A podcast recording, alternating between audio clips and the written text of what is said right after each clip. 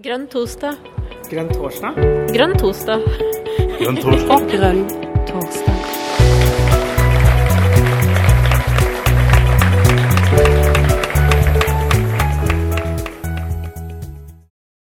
Take it away, Mariell. Yes, alle sammen. Takk for sist til dere som var på landsmøtet. Det var utrolig kjekt å få sett folk, ja. Altså se folk i 3D, sånn som Karina sier. Um, prate med dere og treffes. Og for oss i Grønn torsdag så var det jo kjekt å få være litt synlig eh, med T-skjorte og med roll-up og litt sånn forskjellig. Fordi vi er jo her for å gå dypere i den grønne politikken enn det vi kanskje får gjort sånn til hverdags når vi er i lokallagene våre. Um, så det er veldig kjekt å se at det er noen fjes som er gjengangere, og noen fjes som kanskje er her og sjekker det ut. Det er flott. Um, ja, vi har med oss Arild, det syns jeg er helt strålende. Det skulle jo bare mangle at vi ikke fulgte opp uh, det valget som ble gjort uh, på landsmøtet, tenker jeg. Det var spennende, og det var godt gjennomført. Og det var godt å høre på de ulike talene som var for de ulike kandidatene. fordi det viser jo at vi har et veldig solid parti og mye bra folk å velge mellom. Jeg tenker at vi er privilegert som har den, har den, situasjonen som vi hadde, og at eh, vi landa på det resultatet som vi gjorde. Det tror jeg blir, det blir et bra, bra, gjeng å følge nå framover. Så Arild, gratulerer med, med, valget. Gratulerer som nestleder. Det er kjekt for en, og Nå er vi jo i felles fylke, så det er jo helt strålende å ha noen fra Vestland med seg på det laget. Det er jeg glad for. Um, du er jo en ambassadør for oss her vestafjells, så det syns jeg er viktig. Og så uh, ja. Jeg har laga meg litt notater, for det er ting som er litt sånn viktig å få med når man har sånne viktige gjester. Blant annet så har vi, utfordra deg på det som heter veien videre. da. Hvor går vi med MDG? Og vi vedtok jo den langtidsstrategien på landsmøtet, som er jo et godt utgangspunkt kanskje å snakke ut ifra eller rundt. Så det er jo på en måte veien videre for MDG, tenker jeg. Og så er det kanskje litt veien videre for hva du tenker at de rolle skal være på den veien. da. Og om du ser noen utfordringer eller spennende ting som du gleder deg til å ta fatt på.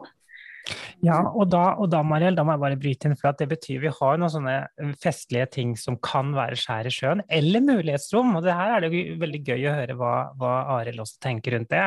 Det er liksom det dukket opp noe om en EU-medlemskap, kanskje i hvert fall en eller annen prosess rundt det på et eller annet vis. Hva betyr det for MDG? Eh, kjernekraftvedtaket vårt, som jo var veldig dempet, eh, hva innebærer det i praksis? Eh, og siden det nå har kommet et revidert statsbudsjett, hvis Arild har rukket å tenke litt rundt hva det betyr i forhold til det, den grønne politikken. Det, eh, det, alt handler om veien videre. Ja, det er kjempeviktig. Gode stikkord, Karina. Det blir spennende å høre om. Så jeg tenker nå blir strukturen sånn som den pleier. At uh, Arild får snakke til han før at han er ferdig, og så prøver vi å slippe til med litt spørsmål uh, etter hvert. Og kanskje underveis òg, det får vi se litt på, på naturen til uh, det du sier, Arild. Så vær så god, tenker jeg. Ja, tusen takk, og tusen takk for tilliten. Det var eh, veldig fint og en god prosess eh, med å bli valgt. Så eh, det var veldig bra. Og så er det jo utrolig fint å ha møtt hverandre. jeg holdt på å si Hvis jeg kunne sett utover forsamlingen hvem som var der, så Jeg ser jo en del av dere var der, men jeg ser også en del som ikke var der. Og det å være sammen med kropp, det er jo helt fantastisk. Enten man tenker koffert eller om man ikke gjør det. Så det tror jeg bare vi slår fast. Og det var første gangen siden 2019 vi kunne være på et landsmøte sammen. Og det, den eneste tingen som eh, på å si vi ikke savnet, det var å ta opp og ned stemmeskiltet. Det prøvde vi én gang, og det gikk forferdelig dårlig. sånn at da var det plutselig flere stemmer som hadde stemt enn det var stemmeberettigede. Så noen ting har jo kommet ut av den pandemien som er bra. Så det tar vi med oss. Um, og så er jo møtet Det var jo, syns jeg, veldig god energi. Veldig mye folk som traff hverandre for første gang. Uh, for min egen del så tror jeg uh, ca. halvparten av de menneskene som var der, hadde jeg aldri sett før. Kanskje. Ja, I hvert fall et sted mellom en tredjedel og halvparten var nye mennesker. Uh, så det er jo Det sier jo også litt om at dette partiet vårt er et ganske ungt og utålmodig parti også, som skal videre. Vi ja, sånn jeg syns jo leveransene fra talerstolen var utrolig imponerende. utrolig mange gode innlegg.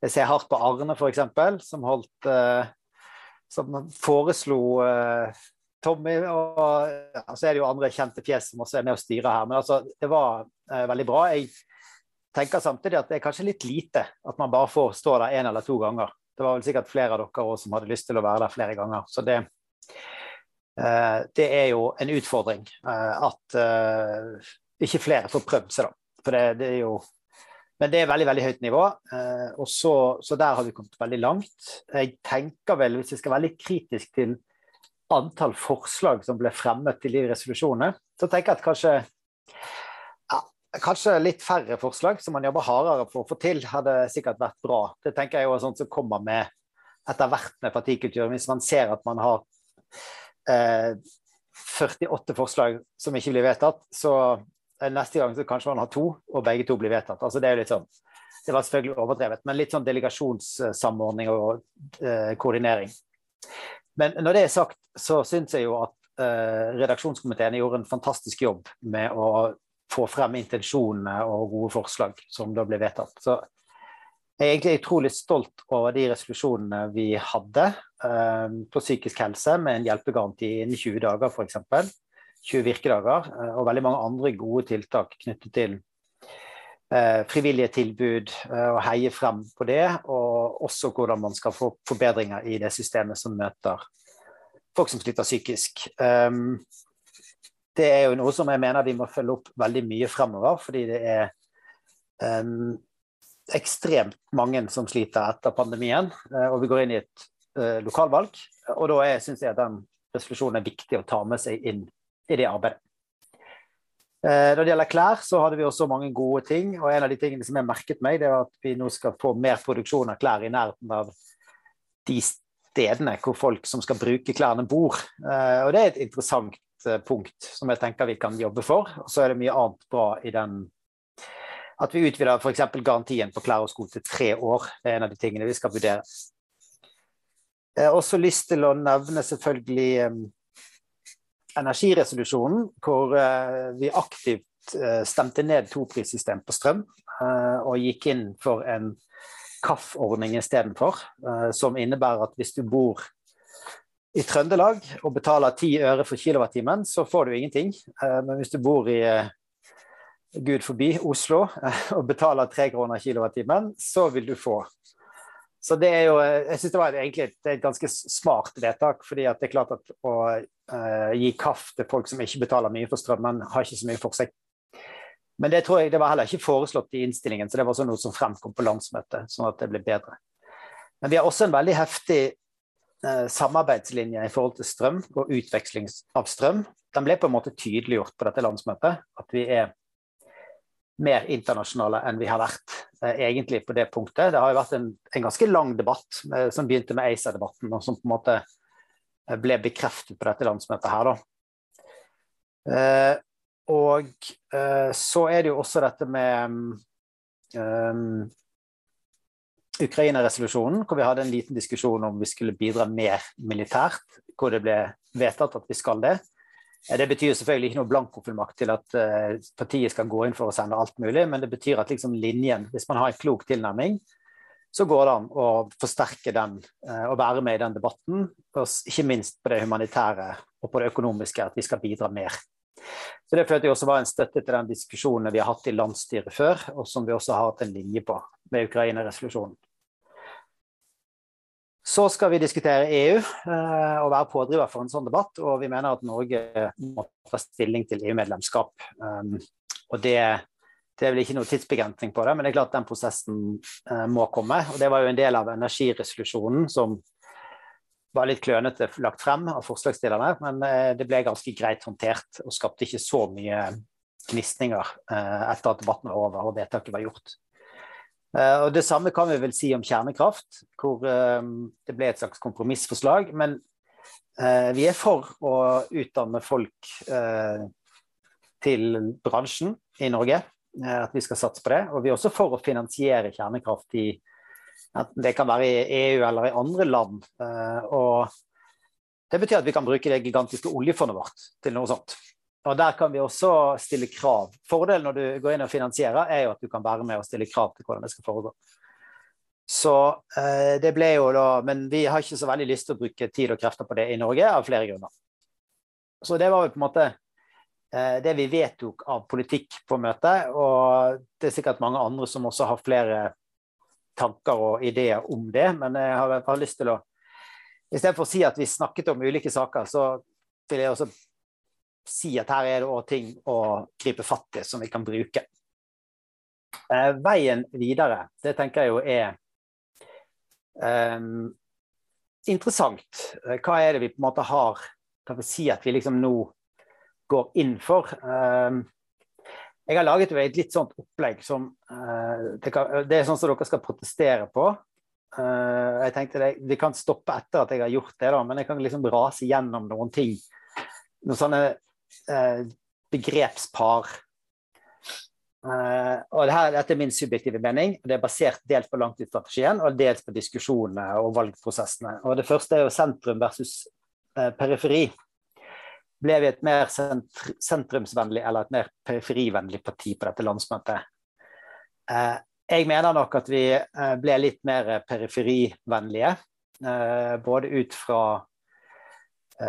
ting som ble sagt, og også dette med at strategien var relativt tydelig på det med hele landet. Og vi snakket også om å bredde ut. Og da tenker jeg, siden jeg er utdannet geograf, at det betyr også geografisk bredde. At ikke alt skal skje i Oslo, Bergen og tre byer til. Eh, så er det jo en gammel motsetning i Norge mellom eh, liberale og moralistiske folk, kanskje, eller liksom synet på alkohol og religion. Der tror jeg ikke det skjedde så veldig mye nytt. Vi er ganske liberale som fortsatt, uten at vi gjør noen store vedtak. Um, og så er det dette med bønder versus billig mat, uh, og der vi gjorde vi vel også relativt signalet er vel retning med bønder enn billig mat. Vi har aldri vært opptatt av billig mat, men vi har vært opptatt av forbrukerperspektivet på mat. Men der følte jeg også at vi eh, ble noe mer eh, altså Dette med samlekommunikasjon, der har det jo også vært en del sånn rundt dette med kjøtt og den type ting. Eh, og det tenker jeg også landet litt mer bondevennlig kanskje enn vi har. Det er jo noe vi har holdt på med en stund. Internasjonalt versus nasjonalt. Der syns jeg at det var veldig, veldig tydelig at dette landsmøtet ble mer internasjonalt rettet. Både pga. diskusjonen om EU, men også det som står i langtidsstrategien, som er ganske eksplisitt på dette. Um, energiresolusjonen også peker veldig tydelig på det med internasjonalt samarbeid. Uh, og så er det jo en gammel motsetning mellom arbeidere og kapitalister. Uh, og jeg føler jo Vi står ganske trygt på fagbevegelsens uh, mange av de sakene der med solidaritet og den type begrepsbruk. Så var jo en kandidat som prøvde å bli valgt med å si 'hei, kamerater' på landsmøtet også. Så jeg føler jo liksom at vi har den Vi står jo relativt trygt i den um, retningen, da. Men uh, det ble òg litt sånn ty... Altså vi fikk inn eh, f.eks. Jens Ulltvedt Moe. Uh, det er jo ikke så mange sosialistiske partier som har milliardærer i styret sitt. Så det følte jeg nok også er at vi ble et mer type sånn nærings- og gründervennlig parti. Vi vedtok også en næringspolitisk plattform. Eh, som selvfølgelig også snakket om at staten har en viktig rolle, men også at det private har en viktig rolle. Og jeg fant egentlig ikke så mye sånn type trepartssamarbeid og fagbevegelseord i verken i langtidsstrategien eller i den næringsplattformen. Så det tolker jeg som et litt sånn at vi orienterer oss litt mer i en næringsvennlig jeg holdt på å si kapitalistvennlig, men det har jeg ikke sagt. Men eh, i, i, hvert fall i litt mer sånn landsmøte sine vedtak, så var vi litt mer der, da.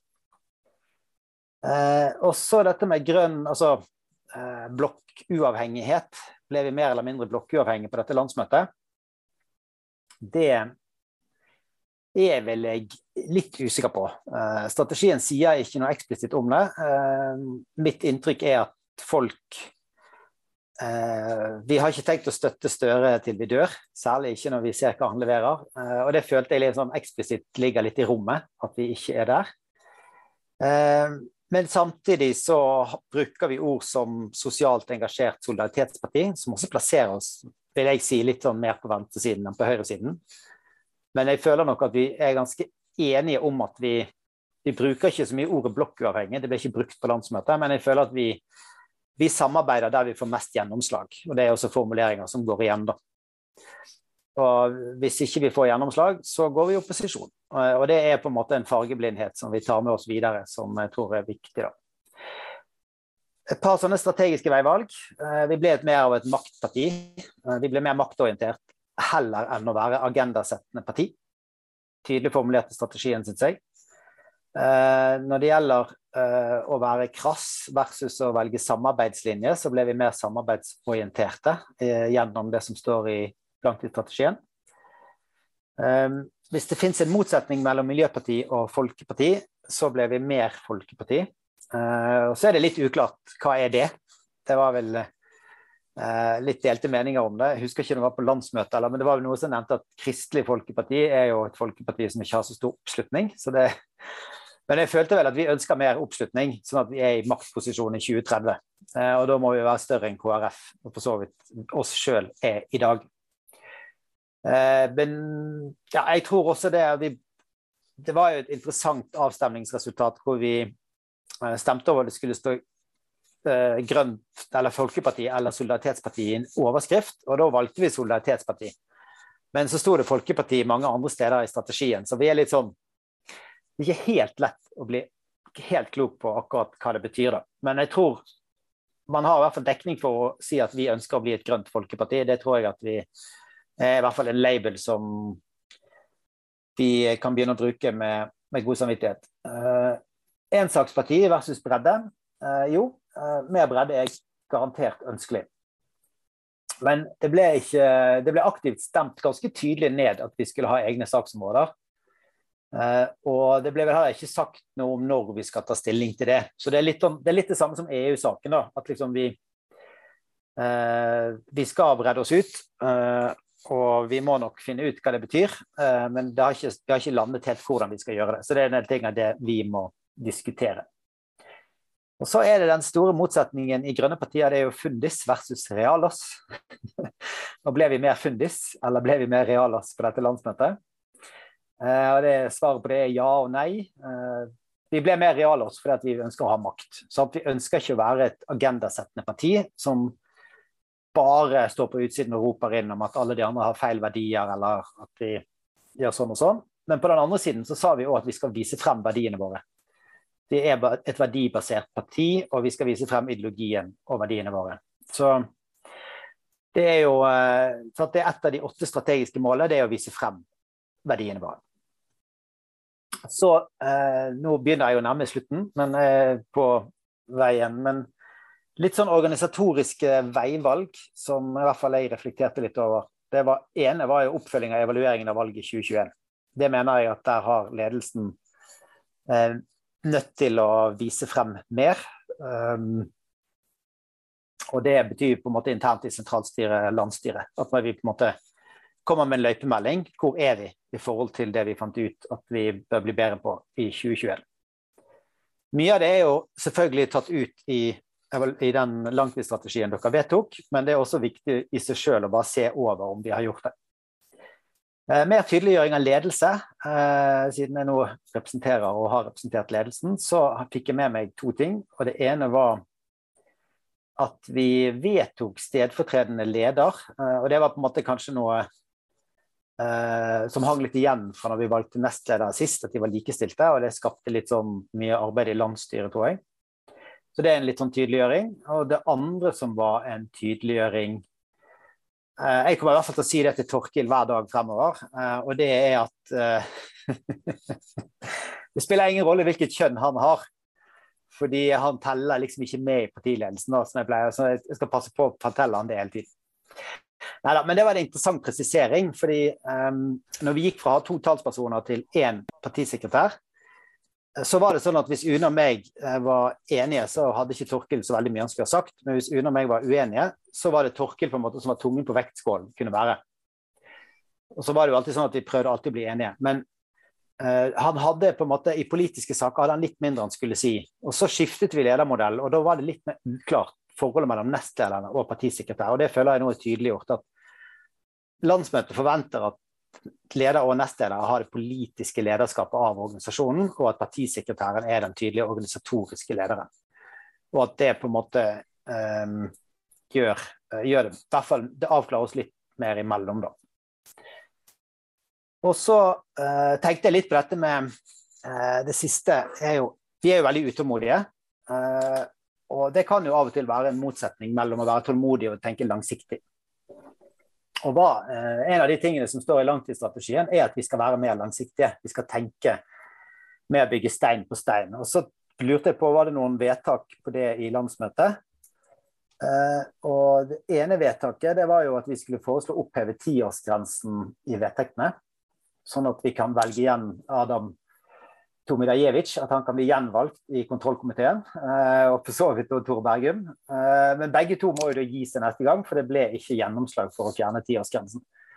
Så Det betyr at da, litt avhengig av hvordan man tolker vedtektene, men det, hvis man mener at leder og talsperson er samme sak, så kan dere nå bare velge UNE én gang til som leder i partiet. Og det kan dere tenke over hva det betyr. Men det betyr at hun eh, i praksis må, må kaste inn håndkleet i 2026. Hvis, det, hvis, man ikke gjør noe med det på neste etter et de kommende landsmøtene. Eh, men det er sånn, jeg opplever jo på en måte dette med nestleder eh, og valg. altså Det at man sitter som nestleder og blir utfordret og får får ganske, en, en ganske sånn det er jo et klart resultat, men det er òg ganske mange som stemmer på utfordreren. Det tyder også på at man er utålmodige og forventer at ledelsen skal levere. Det var vel noen som nevnte at Jan Tore Sanner eh, satt i 18 år som nestleder i Høyre før han trakk seg. Jeg tror ikke han ble utfordret en eneste gang. Så det er litt sånn, det er tydelig at vi er et annet type parti som har eh, dårligere tid, rett og slett. Og det Eh, det er bra, men det er også sånn at man må passe seg for at man liksom ikke tror at man blir en veldig veldig god politiker på tre kvarter, liksom, og du fikser alt. Og det, det kan godt være at man bruker åtte år på å bli en god partileder, f.eks. Så eh, igjen en liten forsvarstale for UNE her, da. At eh, ikke være så utålmodige at vi Det tror jeg er viktig. Så det var kanskje noen, eh, noen av brannfaklene, så da kan vi Karina overta. Eller spørsmål. ja, da har vi heldigvis noen år å tenke oss om på da, i forhold til UNE. Eh, og, og eh, du fikk nå et, et, klart mandat fra landsmøtet, Arild, så det er jo ikke noe tvil om at partiet vil ha deg, for å si det på den måten. Jeg føler meg veldig elsket, det må jeg legge ja. til til slutt. da. Ja. Jeg har en stor fanskare, så det er jeg veldig takknemlig for. Det er veldig, veldig bra. Ja. Det, det, er mange som setter pris på både deg og den jobben du gjør, og det er nok enda flere som, som virkelig setter pris på deg som person. Så vi er, jo, vi er, jo, glad i hverandre, tross alt. Um, jeg er litt uh, Bare for å prøve å plukke ut en sånn en litt sånn wildcard av alt det du sa, for du har sagt veldig mye fint uh, nå. Mye å tenke på og reflektere over. Og så er det sånn at dere andre som sitter brenner inne med spørsmål, har lov til å tegne dere ved å rekke opp hånden. Bruke den deilige raise hand-funksjonen, som er en ikke-kroppslig, dessverre, variant av det å rekke opp hånden. Eh, men Jens Ulltveitmo eh, er jo en fantastisk eh, person som vi nå har fått inn i sentralstyret. Hva tenker du om dimensjonene som det bringer inn i både sentralstyret og faktisk også landsstyret?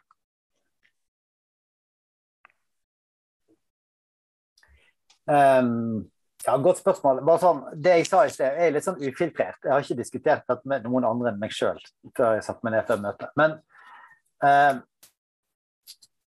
jeg tror jo han, han, er en veldig utålmodig type. Uh, han er vant til å uh, ta raske beslutninger som får ganske ville konsekvenser noen ganger. Og det tror, jeg er, det tror jeg er helt fint. At vi får inn noen som har den ballasten som han har. Og det er klart Jeg tenkte nok litt på han som Jeg traff han jo første gangen for sånn 12-15 år siden, og han fortalte at han liksom hadde blitt helt utrolig skremt av å lese klimarapportene og tenkt at jeg må gjøre alt jeg kan, og tapte masse penger i Brasil. Eh, noen milliarder der, tror jeg, som han brente av. Um, og var altfor tidlig ute. Men han har jo òg det her at han har startet en festival i Bergen som heter Varmere, villere våtere. Han har det her nettverket sitt som er i grønt skift, som er masse næringslivstopper. Uh, han han, han, er jo en stor inspirasjon, sant? Eh, og er styreleder i Cicero. sånn at det faglige er Han jo eh, Han er jo en klimaaktivist, bare at han har sykt mye mer penger enn noen av oss andre i partiet. Um, så sånn sett så passer han jo inn i kulturen, men så er han jo også da uh, Han har et nettverk som er helt forskjellig. og jeg snakket med hun i Sverige, i Miljøpartiet, uh, og hun sa at liksom de hadde aldri hatt noen sånne mennesker i sitt parti. Uh, så det tenker jeg at er liksom Ja, vi er jo et vågalt og utålmodig parti, så dette syns jeg liksom vi bare skal eie. Og så slår det meg at Eh, når vi skal lansere plattformer og satsinger i partiet, så kan vi bruke han og hans nettverk for å på en måte gå god for disse tingene her. Jeg har sett han i TV-programmer, liksom, lokalsendinger i Haugesund, liksom, hvor, han, eh, hvor, han, sitter sammen med folk som åpenbart er opptatt av penger og ikke, virker ikke veldig MDG-iske. Og han inspirerer de og forteller de om liksom så, så Han har en helt annen inngang og han har en helt annen troverdighet til å treffe andre grupper enn det i hvert fall jeg klarer. Så jeg tror det er ja, veldig spent, og jeg håper at han eh, jeg tror og håper at han kommer til å prioritere å være på møtene og, og delta og stille vanskelige spørsmål til oss i ledelsen. Ja, ja, han er jo ledelsen sjøl òg, da, men altså, han er det. hva jeg mener. ja, han er jo faktisk en del av ledelsen. Jeg er også veldig spent på det, Arild. Og jeg håper jo vi skal kunne få han en tur til Grønn torsdag senere også.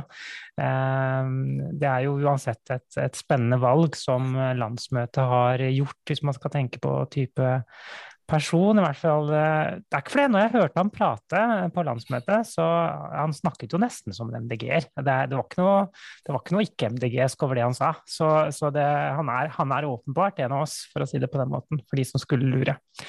Um, Arne, du har uh, rukket opp hånden. Vær så god.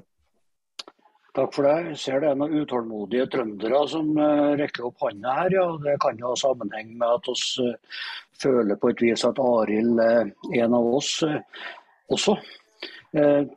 takk for helga som gikk, dere som var der. Og, og det var et strålende arrangement. Du og jeg, Arild, har jo eh, litt sånn eh, felles eh, organisasjoner, plattformer, som jeg tror har betydd en del for oss. Du har jo kommet lengst nesten til topps i den ene og helt til topps i den andre. Jeg holder meg jo trygt på grasrota, men føler likevel at vi har nå et verdigrunnlag i bunnen. Og jeg syns det verdigrunnlaget blir, har lett for å bli borte i i, i, dagens eh, MDG. Og da tenker jeg naturligvis på de verdiene som en har med seg fra fremtiden i, i, i våre hender. Eh, har du noen tanker om det, Arild, framover? Ja, for dette er jo en av de motsetningene som også Stein Rokkan har, som er dette med vekst mot vern, som er vel en, en jeg husker ikke det riktig, men vi har i hvert fall gjort en medlemsundersøkelse hvor vi også ser på det. Eh, og vi er jo veldig tydelige på Eh, vernesiden da, som parti, eh, og det er der vi befinner oss i hjertet. Men eh, altså dette med å formidle verdier er jo en sånn type måte å gjøre det på. Og jeg tror at vi som er mye liksom ute og prøver å komme på i media, vi blir litt sånn fanget i at premisset ofte er veksttankegang. da. Og så merker jeg meg at en av de grunnene til at jeg meldte meg inn i MDG, det var jo Rasmus som ville tilbake til 80-tallet. Og jeg mente det var faktisk ikke så fælt på 80-tallet som det de ville ha det til i 2013. Da. Så eh, ja, jeg eh, jeg tenker det er en ideologisk diskusjon som vi må ha. Jeg, I mitt hode så har vi plass til begge deler. Vi må ha plass til liksom både de som er opptatt av at uh, veksten skal være grønn, og de av oss som er mer opptatt av at uh, vi trenger ikke vekst. Det er viktigere å sette miljøsaken først. Eh, men jeg tror det, liksom, det er en utfordring å få det der eh, Særlig inn i en valgkamp. eh, at man får vist frem hva man står for og hva som er verdigrunnlaget. Det eh, Ja. Vi har jo Trøndelag er jo sterkt representert. Uh, og det er også spennende med Ingrid som profil, hva hun vil bringe inn i forhold til dette. Uh, og hva hun, akkurat nå så holder hun et innlegg for nye medlemmer om eh, gründerpolitikk. Så liksom, igjen dette med næringslivsorienteringen, som jeg mener liksom ligger litt eh, i bakgrunnen fra landsmøtet, den ja. Kanskje vi skal bruke det til rett og slett å bevisstgjøre oss sjøl på at det som virkelig slår an blant folk som skal gå og stemme, det er jo eh, hvis man klarer både å fortelle at du får eh, hvordan livet ditt blir, men at det også handler om verdier i, i hverdagen. Altså hvilke verdier er det vi står for. Vi har fått en marsjordre fra landsmøtet om å vise frem verdiene våre, og da er det ganske naturlig at dette kommer høyt opp. Det blir tydelig. Tusen takk, Arild. Um, vil du ha et oppfølgende spørsmål, Arne? Nei, jeg var godt fornøyd eh, med svaret, selv om det var rundt, som sier sømmer en politiker. Så eh, jeg er godt fornøyd med svaret. Takk. Ja, det var rundt svart, Arild. Før jeg slipper til Gunn Kari, eh, hvordan tenker du at vi skal vise fram verdiene våre på en Hva er veien videre for å vise fram verdiene våre, Arild? Altså, Une er jo opptatt av den talen som hun holdt, og at det er noen elementer derfra som um, er en byggestein til å lage en kort og grei fortelling, eller en, en måte å snakke på som er gjenkjennbar. da, Hvor vi forteller at vi um, så det er jo sånn Vi skal vise frem flere saker enn miljø. Uh, og vi skal fortsatt være den tydeligste miljøstemmen. Uh, og jeg mener i Norge i dag så er liksom det, det fins én grunn til at Miljøpartiet fins, uh, og det er at vi setter miljøsaken høyere enn både blokktenkningen, altså høyre- og venstresiden. Men vi setter det også høyere enn økonomisk vekst. Det er viktigere for oss at vi um, tar vare på livsgrunnlaget vårt, tar vare på naturen, tar vare på klimaet, enn at vi skal øke BNP. Og det tror jeg at uh, For meg er det helt sånn avgjørende skille på oss og de andre partiene. At uh, vi, vi går ikke inn på det premisset som de andre gjør. Eh, og så vet jeg at vi, vi går likevel inn i vi må liksom, På Stortinget så må vi liksom være med på denne nasjonale greien, men vi må altså klare å gå ut av det noen ganger og, og um, kjempe for ting som uh, ikke måles i kroner og øre. Og vi, noen ganger må vi tørre å si ja, det kommer til å koste mer penger enn å la være. Eller det kommer til å bli lavere bruttonasjonalprodukt uh, hvis vi satser på på gjenbruk uh, istedenfor olje. Altså, det er litt sånn, sånne ting som vi må tørre å si tydeligere, og kanskje putte det inn i snakkepunktene våre. Uh, og så er det jo andre verdier som vi står for, som jeg uh, er veldig opptatt av, er rett og slett uh, rettferdighet. Altså, når folk diskrimineres, stenges ute, behandles dårlig av systemet, så skal vi være deres fremste fanebærere, og de skal føle at vi kjemper på deres, på deres side. Og det, så tror jeg òg det er viktig nå at vi skal ikke snakke om at vi skal gjøre det, det kan vi gjøre på sånne interne møter, men vi skal gjøre det. Sant? Vi skal ikke lenger snakke om hva vi skal være, men vi skal bare være. Så det tror jeg òg er viktig. Og da tror jeg nettopp det språket og de, eh, de sakene vi kjemper for, definerer oss kanskje mer enn akkurat hvordan vi snakker om det også. Det, det er viktig at vi eh, Og at vi er Altså, folk stemmer ja, Dette er kanskje litt sånn uh, en ny brannfakkel, men jeg tror jo folk stemmer på et parti som de har lyst til at skal uh, tulle med livene deres. da. Bestemme litt over dem og si, peke en retning for det samfunnet de skal bo i. Uh, og da tror jeg liksom Du kan pakke det inn på mange måter du vil, men til syvende og sist så handler det om Tror du på den visjonen? Tror du på det samfunnet? Vil du takle en hverdag med Rasmus Hansson som øverste diktator, eller Lan, eller, eller Une, eller meg, eller Ingrid? det, det, det, tror jeg er liksom Folk er ikke så dumme at de ikke skjønner hva vi egentlig ønsker. på en måte. Mm. Tusen takk. Eh, jeg skal slippe til Gunn Kare nå. Ja, eh, du var inne på næringspolitikk, og der er Ultvedt Moen og gått inn i sentralstyret. Og, men likevel stemte landsmøtet ned at næringspolitikk skal være en, en av de sentrale. Jeg synes jo den plattformen dere lagde på næringspolitikk er god. Og jeg er også litt opptatt av Vi bygger opp en liten næringspolitikkgruppe her i Trøndelag Trondheim nå.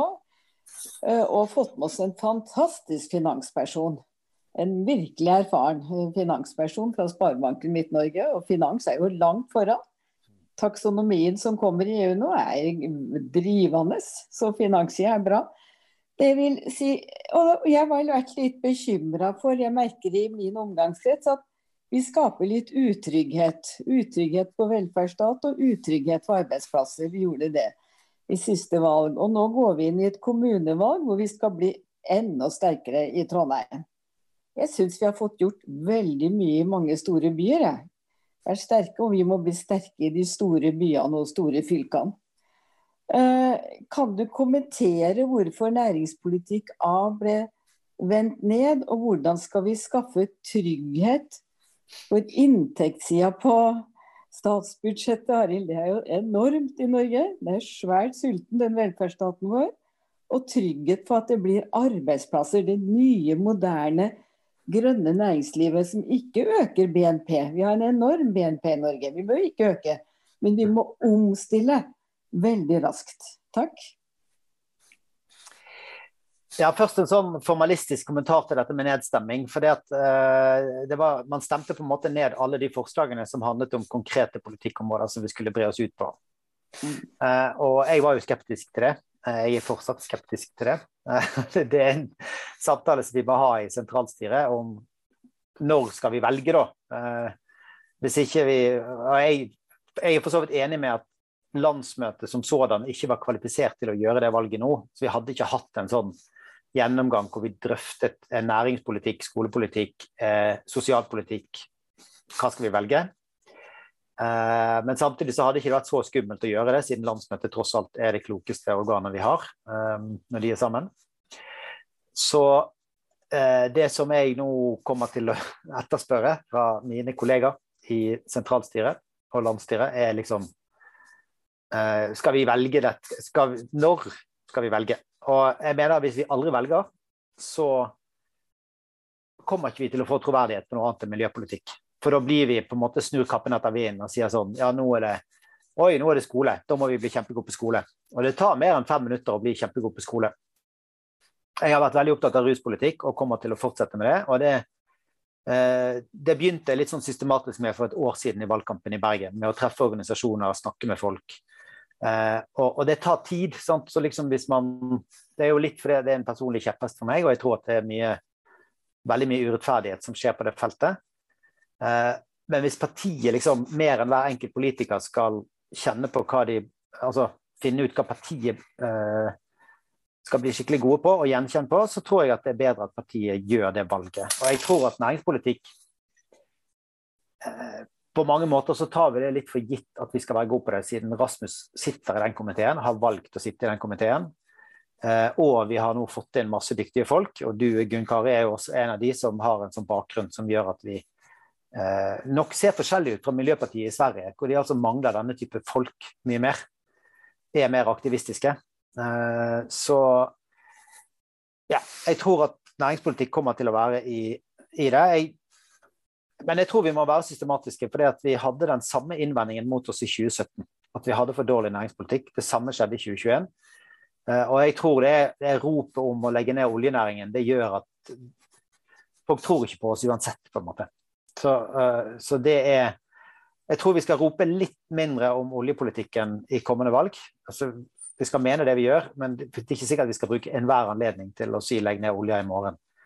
Uh, det gjør at vi kan snakke mer om andre deler av næringspolitikken enn, enn hva vi skal gjøre med olja. Det tror jeg er utrolig viktig. Vi kan brenne for å skape arbeidsplasser. Vi kan gjøre det. Og jeg tror, uh, som du sier, jeg har jobbet i bank.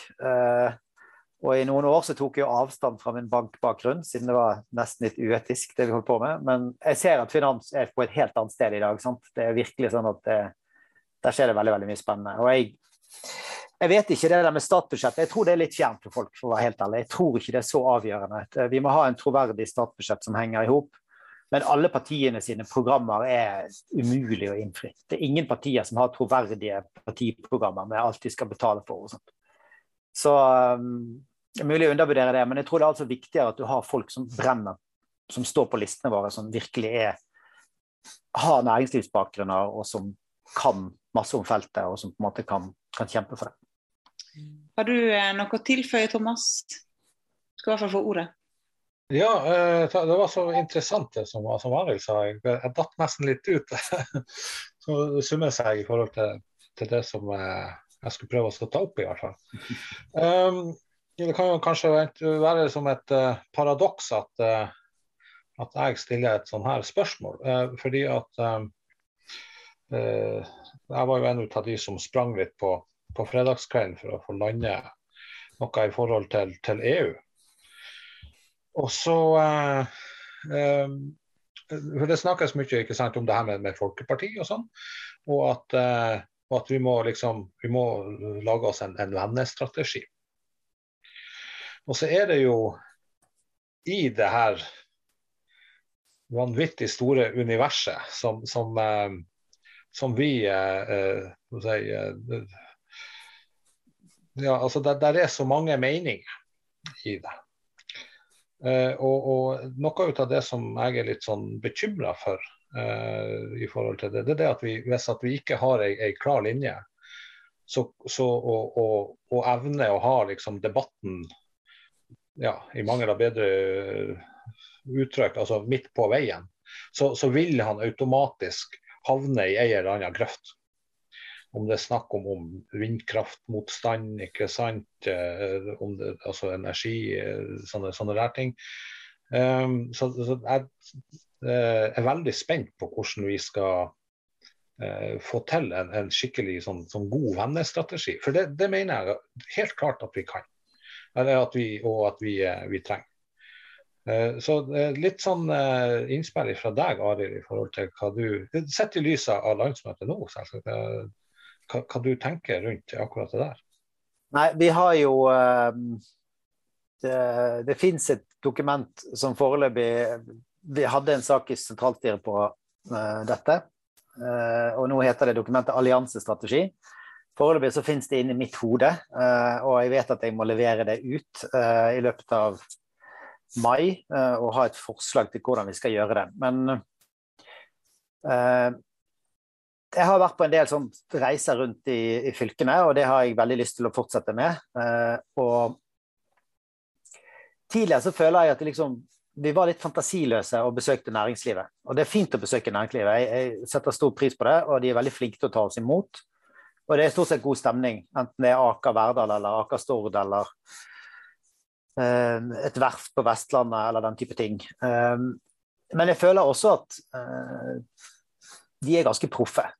De, de, har et opplegg som de kjører for politikerne, og de vet hva, vi, hva de får.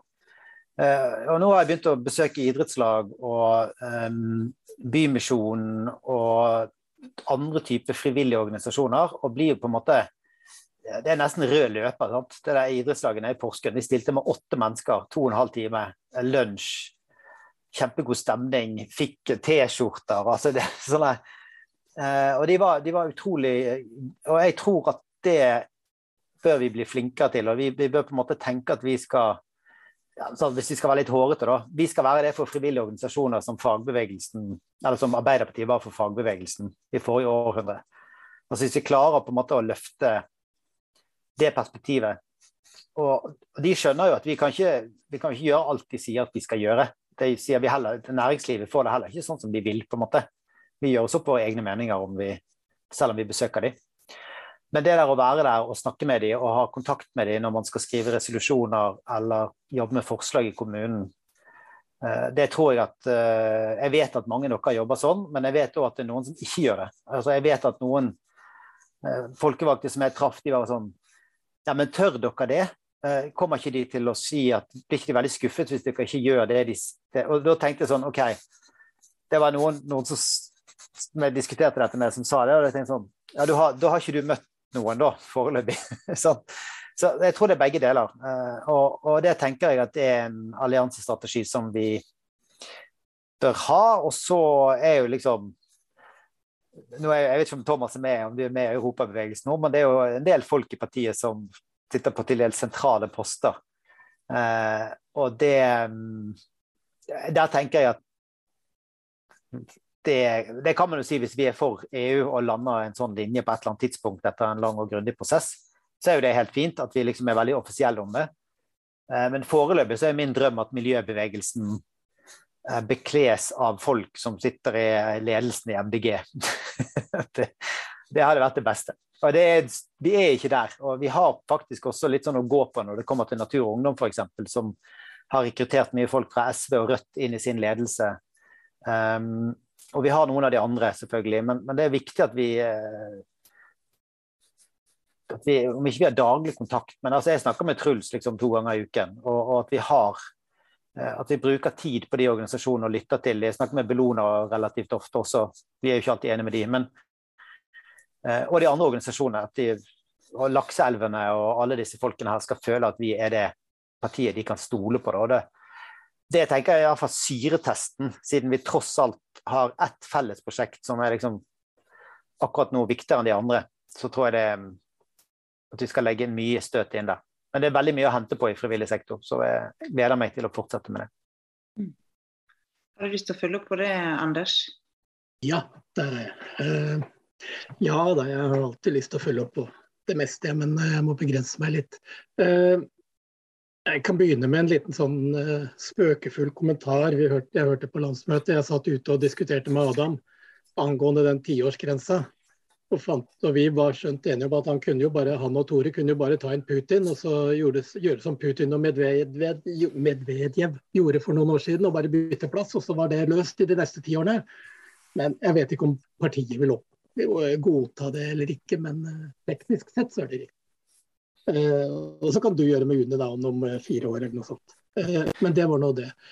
Følg opp litt det som Thomas spurte om, egentlig.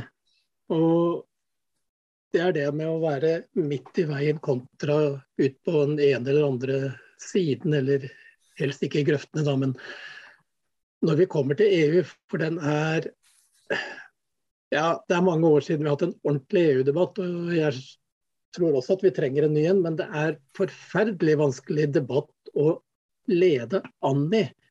Eller eh, sånn som vi har sagt, MDG skal aktivt bidra til å løfte en slik debatt.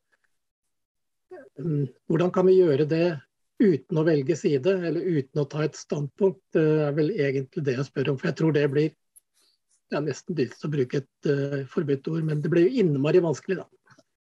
Ja, um uten å ta stilling til EU, uh, så nei, Det er en ting jeg har reflektert litt over, og det er at vi eh, En måte å være et miljøparti til evig tid på, og et ensaksparti til evig tid på, det er at vi er veldig veldig tydelige i miljøpolitikken, og så prøver vi å finne en gyllen middelvei på alle andre politikkområder.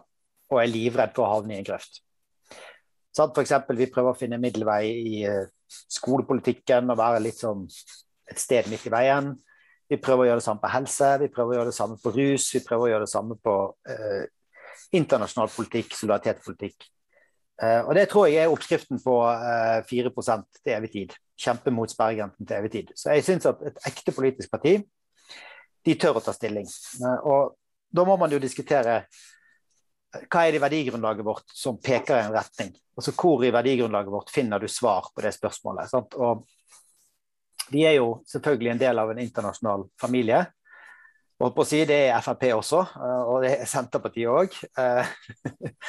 Eh, eh, så det er ikke et argument i seg sjøl. Og sidekommentar. Senterpartiet drar hvert år til Sverige og driver valgkamp, eller hvert fjerde år og driver valgkamp for Senteren i Sverige. Og Senteren i Sverige er jo for EU-medlemskap. så det er sånn. Det er jo ikke akkurat Senterpartiet, men men nok om det. Altså, man må jo da se i verdigrunnlaget. Hva er det på en måte i vårt arbeidsprogram, prinsipprogram, som peker i en eller annen retning? Og vi er jo et sted mellom at vi ønsker eh, lokal selvbestemmelse. Vi ønsker eh, å ha fylker, regioner, som har mye som skal klare seg sjøl. Vi ønsker et lokalt matsystem, vi ønsker eh, lokal energiproduksjon og den type ting. Og så er vi samtidig et solidaritetsparti. Så det er klart at dette er jo et potensielt sett veldig, veldig vanskelig spørsmål. Uh, og så mener jeg likevel at det som på en måte Hvis debatten blir sånn at det blir meningsfylt og viktig å ta stilling, at vi nå nærmer oss 40-60 eller et eller annet sånt, så er, det jo vanskelig for et parti da som har gått ut sånn som vi har gjort nå, å liksom si at nei, vi får se hva det blir, liksom. Uh, men jeg, jeg, jeg, er spent på det samme som du er, da. Men jeg mener at som parti så skal vi kunne være kompromissløse også i andre saker, når det er viktig nok, og når, når, det er viktig for vise frem våre verdier. Enten det handler om mangfold eller samarbeid med andre land eller rusreform eller hva det er. Så det, det er også sånn eh, Jeg håper det, at folk liksom er enig med meg at vi eh, skal tørre å velge tydelig side i, i, også i vanskelige saker, og vise at vi er et ekte parti. og at det er en hel pakke du får. Og det kan være at du kommer til å være rykende uenig med ditt eget parti i noen saker. Eh, jeg tenker jeg gir ordet til Gunn Kari nå. og så eh, Hvis det er flere av dere som ønsker å stille spørsmål, så kan dere egentlig gjerne rekke opp hånda mens eh, Gunn Kari snakker, sånn at vi lander til slutt. Eh, vær så god, eh, Gunn Kari. Ja, hvis det er sånn at arbeidsledigheten i Norge nå er 2,6% vi har over 100 000 ledige jobber i Norge. Aldri vært så høyt som nå med antall ledige jobber. Og oljeinvesteringene bikker i år, hold dere fast, kanskje 200 milliarder igjen. Det er helt vilt. Og det gjør at oljen nå inneslutter all kompetanse som de nye, moderne, grønne næringene våre de er for lengst i gang. Trenger til å ta markedene ute. Jeg snakker som et næringslivsmenneske, da. Til å ta markedene på offshore havvind, som Skottland har lagt ut ti ganger Norge, osv. i nå, juli-januar. Så det må da være en fantastisk gulrot for MDG å kjøre frem dette. At, all, at vi binder inn kompetansen. Vi er det ansvarlige partiet. Som jeg syns Rasmus har vært praktfull næringspolitiker det siste halve året. Nå snakker jeg med deg, Arild, det vet jeg.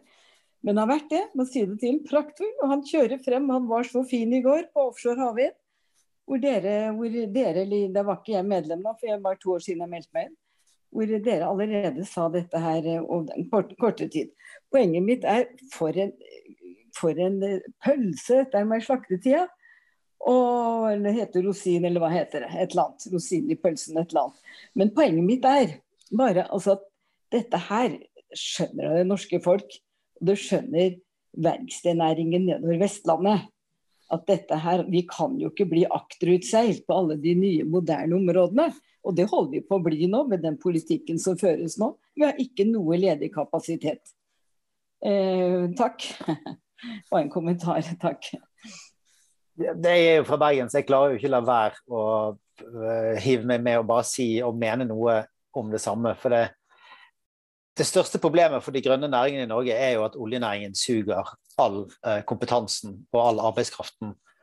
Og Selvfølgelig en del kapital, men kapital har vi nå for så vidt nok av. Men, men, jeg tenker liksom at det er, det er der vi, altså Hvem er det som skal jobbe i havvindindustrien? da? Skal vi importere folk fra andre siden av jordkloden? Uh, altså, det er, jo, det er, jo, et veldig stort paradoks. Og, og, vi må liksom svare på hva vi skal leve av etter oljen. Og Problemet er det motsatte. Altså Hvordan i all verden skal vi få folk ut av oljen og inn i de grønne næringene som vi skal leve av i fremtiden? Det er det som er det kortsiktige spørsmålet, rett og slett. Og vi har jo klaget oljeskattepakken, som er hovedgrunnen til at det tallet blir så høyt i år. Klaget den inn til ESA. Eh, vi har fått foreløpig nei. De sier at dette er greit, men vi har, vi skal ha en frist 31. mai til å svare tilbake. Og har noen som ser på uh, om om det går an å gjøre om på det oljeskattevedtaket. Eh, det har jo virkninger helt frem til 2026. Låser eh, eh, folk og kompetanse inn i oljenæringen i mange mange år. Og det er krise. Og så bare sånn, 20 milliarder hvert år til oljeleiting. 20 milliarder til oljeleiting hvert år. Det er like mye som industrien investerer til sammen på fastlandet hvert år.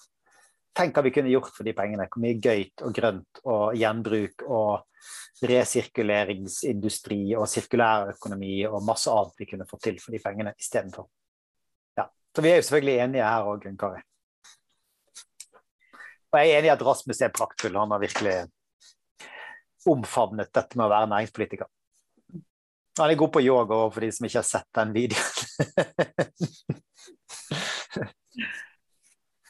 Karina, har et innspill til slutt? Ja, altså jeg tenker jo at eh, det som du egentlig er med på å illustrere nå, Arild, er jo at uh, vi peker jo egentlig veldig godt i den retningen som alle ser at vi er nødt til å gå. Det er bare det at uh, mange vegrer seg for å ta de viktige første skrittene som vi, vi faktisk trenger å ta. Da. Uh, og det er jo sånn når, når vi i vårt kommunestyre, da, som eh, Jeg bor jo i Lunde kommune, som er, er jo en, helt øverst i Stor-Oslo-regionen, kan du si. Eh, og ordførerne rundt Oslo, sammen med Oslo, har jo gått med på sånn eh, miljøerklæring, klimaerklæring, som det blir vel offisiell 2. juni eller noe sånt. Um, og det, det som står der, er jo egentlig basert på EUs grønne politikk. Altså For guds skyld, vi kan ikke bli med i EU, for vi kan risikere å vanne ut miljøpolitikken til EU. Nå følger vi det, og, og, og, og sånn sett så, så drar, det, drar, EU oss i riktig retning, da.